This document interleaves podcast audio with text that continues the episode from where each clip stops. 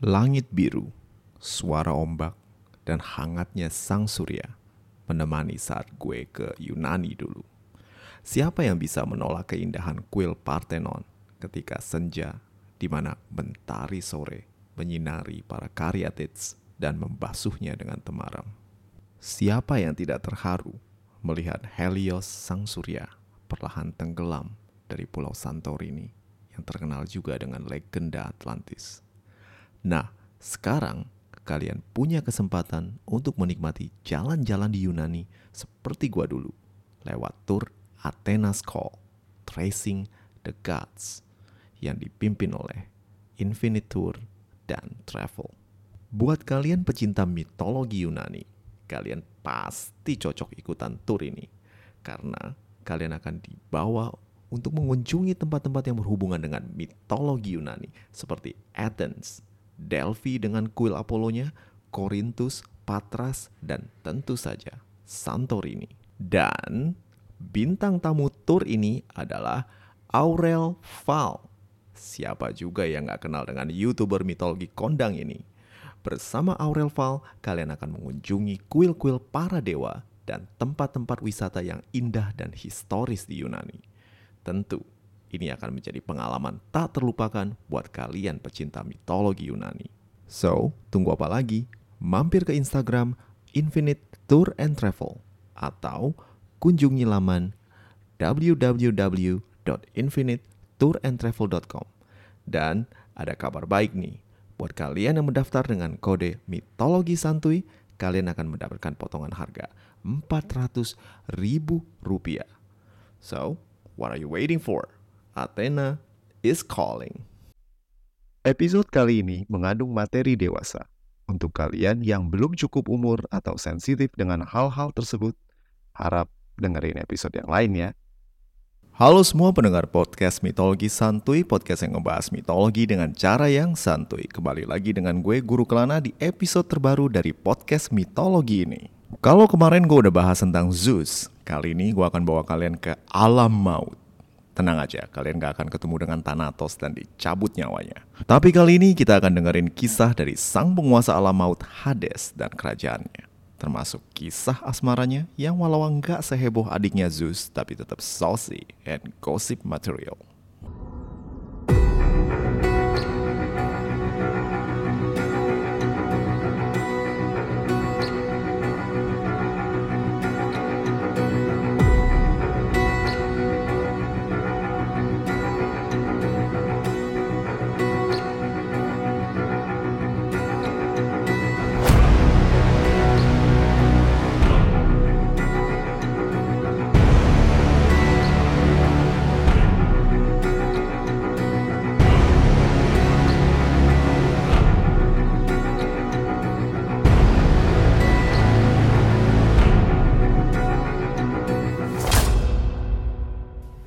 Peperangan dengan para titan telah selesai.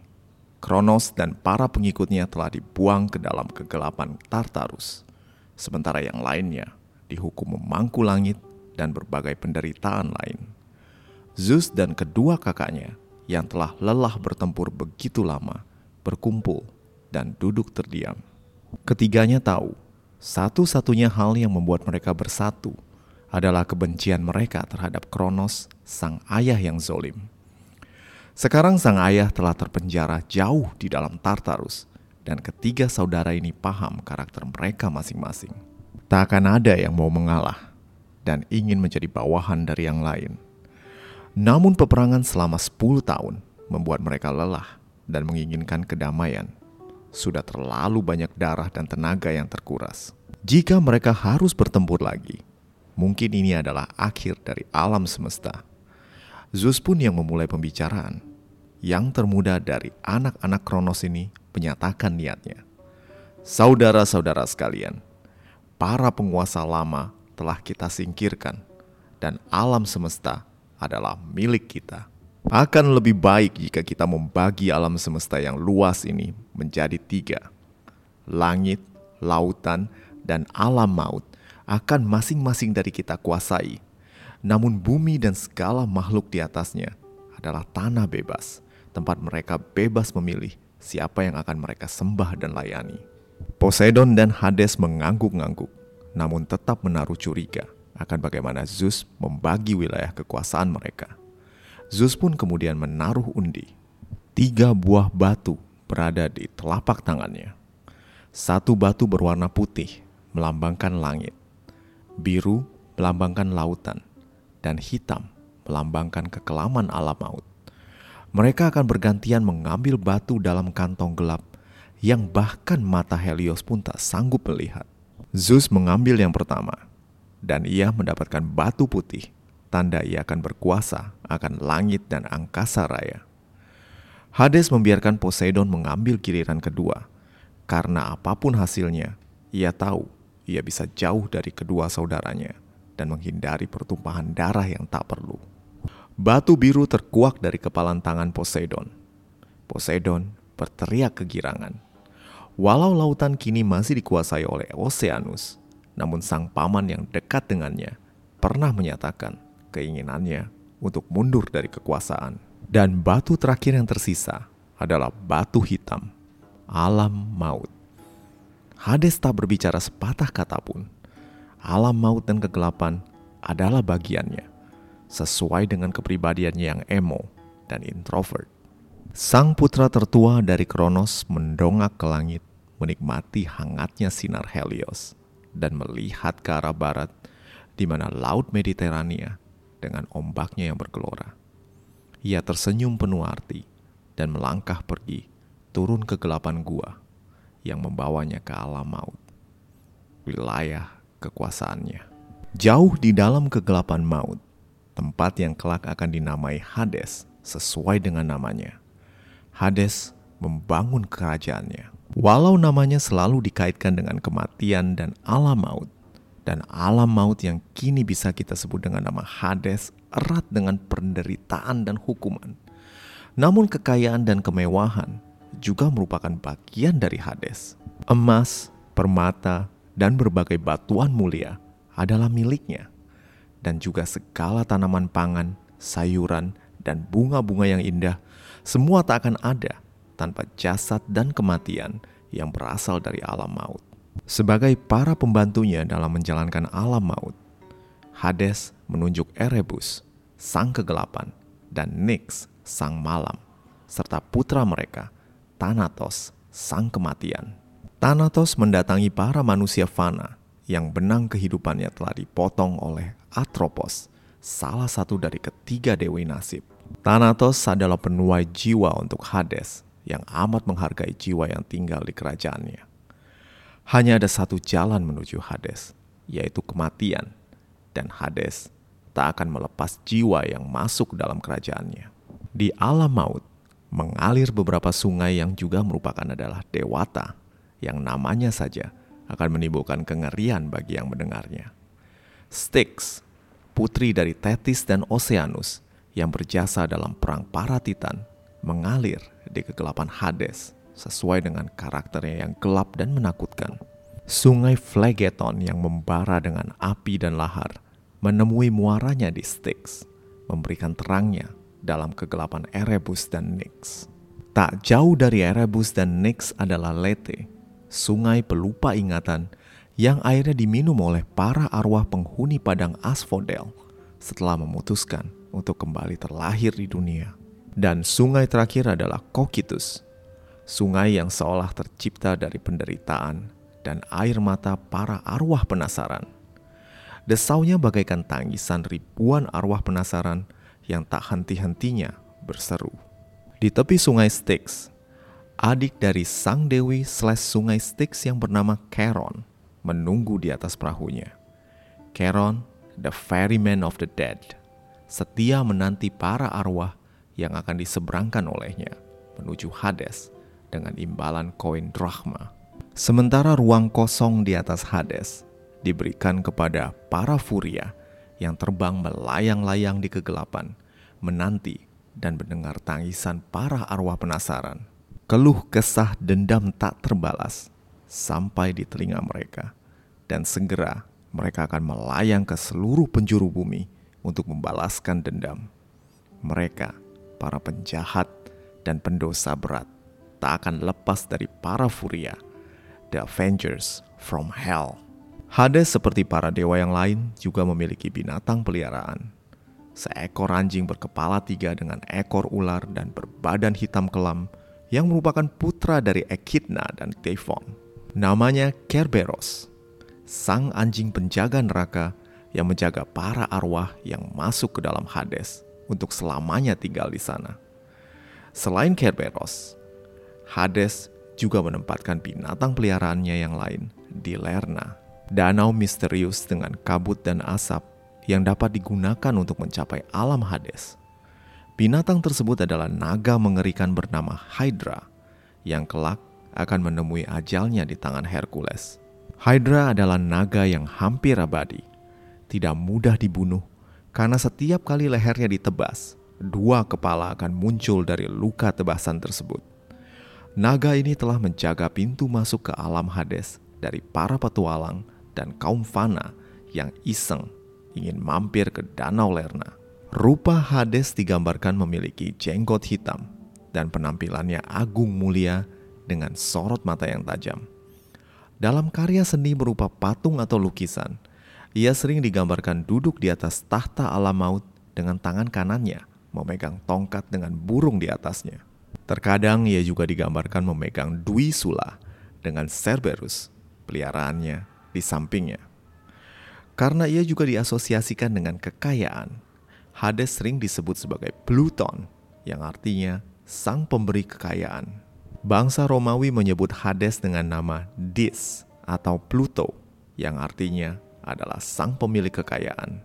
Bangsa Yunani kuno enggan menyebut nama Hades karena takut akan menarik perhatiannya dan dipanggil menemuinya di alam maut. Maklum, menurut kepercayaan mereka, Hades hanya bisa mendengar suara dari permukaan bumi jika namanya disebut dan biasanya namanya hanya akan disebut dalam sumpah, kutukan, atau dalam upacara kematian. Bangsa Yunani kuno biasanya hanya menggunakan nama lain dari Hades, seperti Pluto. No, bukan anjing peliharaan Mickey Mouse atau planet yang udah dipecat dari tata surya kita. Tapi ya, kedua nama anjing dan X planet tersebut berasal dari nama sang penguasa underworld. Selain disebut Pluto, Hades juga disebut sebagai Zeus Katatonios alias Zeus alam maut. Konon ketika berada dalam alam maut, Hades tidak mengetahui apa pun yang terjadi di permukaan bumi atau Olympus asalkan namanya tidak disebut. Hmm, mungkin ini yang membuat Persephone istrinya bisa selingkuh dengan Adonis ketika berada di permukaan bumi. Eh bentar, kayaknya gue nge-skip nih. Mestinya gue ceritain soal Demeter dan Hades dulu. So, kisah asmara dari Hades ini nggak seramai kisah Zeus dan Poseidon. Hades yang rada emo, nggak banyak love interest, dan hanya ada tiga cerita tentang asmaranya yang tercatat dalam mitologi Yunani. Istrinya Persephone tentu kalian udah kenal, dan gue akan ceritain lebih detail nanti di episode Demeter. Persephone adalah putri dari Zeus dan Demeter, dan ialah yang akan diberikan oleh Zeus ketika Hades ingin memiliki istri. Namun Zeus tahu bahwa Demeter tak akan rela berpisah dengan Persephone. Maka Hades harus menculik Persephone jika ia ingin menjadikannya istri. So, ketika Persephone berada di padang lepas jauh dari ibunya, Hades mendadak muncul dari celah bumi dengan kereta emas yang ditarik oleh empat kuda hitam dan menarik Persephone menuju alam maut. Di alam maut, Persephone dibujuk untuk menjadi istrinya, sementara di permukaan bumi, Demeter mencari anaknya ke sana kemari. Tak sanggup menemukan anaknya, Demeter pun memutuskan untuk menghukum bumi dan seluruh Olympus. Demeter adalah dewi pertanian dan kesuburan bumi. Tanpanya, tak mungkin ada panen dan makanan. Demeter bersedih dan kekeringan serta gagal panen melanda bumi. Dan akhirnya Zeus pun harus turun tangan. Zeus mengutus Hermes, sang dewa kurir yang sanggup membuka portal ke alam maut dengan tongkat kadususnya. Hermes membimbing Demeter menjemput Persephone. Hades enggan melepas Persephone dan mengakali Demeter dengan menyatakan syarat. Persephone boleh kembali ke permukaan bumi, asalkan ia tidak makan apa pun yang ada di alam maut. Persephone lalai karena ia tidak mengetahui syarat ini. Dan dengan polos ia makan enam biji buah delima yang diberikan oleh Hades. Karena Persephone telah melanggar syarat, Hades menganggap Persephone tak lagi wajib menemani ibunya di permukaan bumi. Akal bulus Hades membuat situasi semakin pelik. Dan akhirnya Zeus, sang ayah dan calon mertua Hades, yang juga adalah adik kandung Hades, puyeng gak lu? Turun tangan. Zeus mengusulkan agar Persephone menemani Hades selama enam bulan sesuai dengan jumlah biji buah delima yang dimakannya, dan lalu kembali menemani ibunya selama enam bulan. Konon buah delima yang dianggap sebagai aprodisiak bagi bangsa Yunani dalam cerita ini merupakan simbolisme akan benih Hades yang ada di rahim Persephone. So yeah, kemungkinan Persephone telah mengandung saat akan dijemput oleh ibunya. Bangsa Yunani kuno percaya ketika Persephone menemani Hades, Demeter bersedih dan musim gugur serta dingin pun tiba. Dan ketika Persephone kembali ke permukaan bumi menemani ibunya, musim semi dan musim panas, saat segala tanaman tumbuh dan panen pun tiba. Persephone adalah dewi musim sekaligus permaisuri Hades. Hades amat mencintai Persephone, sampai bisa dibilang ia rada bucin. Maklumlah, di alam maut yang penuh kesuraman, hanya ada Persephone yang indah dan gak bikin mata kuyu. Hades dan Persephone hanya memiliki dua anak. Melinoe, putri mereka, adalah dewi mimpi buruk dan kegilaan dan putra mereka satu-satunya adalah Zagreus, sang dewa kelahiran baru. Walau terkenal bucin dan sayang istri, Hades juga bisa kesepian karena Persephone harus absen dari alam maut enam bulan setiap tahun. Di periode kosong tanpa istrinya inilah, Hades jatuh dalam percobaan. Hades yang kesepian memutuskan untuk mampir ke permukaan bumi untuk mencari Persephone. Namun bukannya menemukan Persephone, ia malah jatuh cinta pada salah satu putri Oceanus yang emang cakep-cakep. Leuce namanya. Tidak seperti Zeus yang punya banyak cara kreatif dalam mengejar wanita. Hades cuma tahu satu cara, ya diculik, apalagi. Leuce pun kemudian dibawa ke alam maut, di mana sang Oceanid dibuai dengan cinta sang penguasa alam maut. Namun perselingkuhan Hades ini diketahui oleh Persephone yang terbakar api cemburu dan mengutuk Leuce menjadi pohon poplar atau pohon hawar dalam bahasa Indonesia. Hades dalam waktu yang cukup lama cukup kapok dengan perselingkuhannya dan berjanji tak akan mampir lagi ke permukaan bumi buat nyari cewek. Hades pun menghabiskan waktunya berkeliling di alam maut yang suram. Namun ketika ia mampir ke sungai Kokitus, ia menemukan seorang peri air bernama Menta sedang mandi. Menta adalah seorang Naraid, putri dari dewa laut Nereus yang selevel dengan Oceanus. Menta memiliki bau yang harum dan segar. Hades yang mungkin lama mencium bau belerang dan kelembapan alam maut terpesona akan kecantikan dan keharuman Menta. Keduanya pun terlibat hubungan gelap dan berlangsung cukup lama. Selama Persephone berada di permukaan bumi, Menta menemani Hades.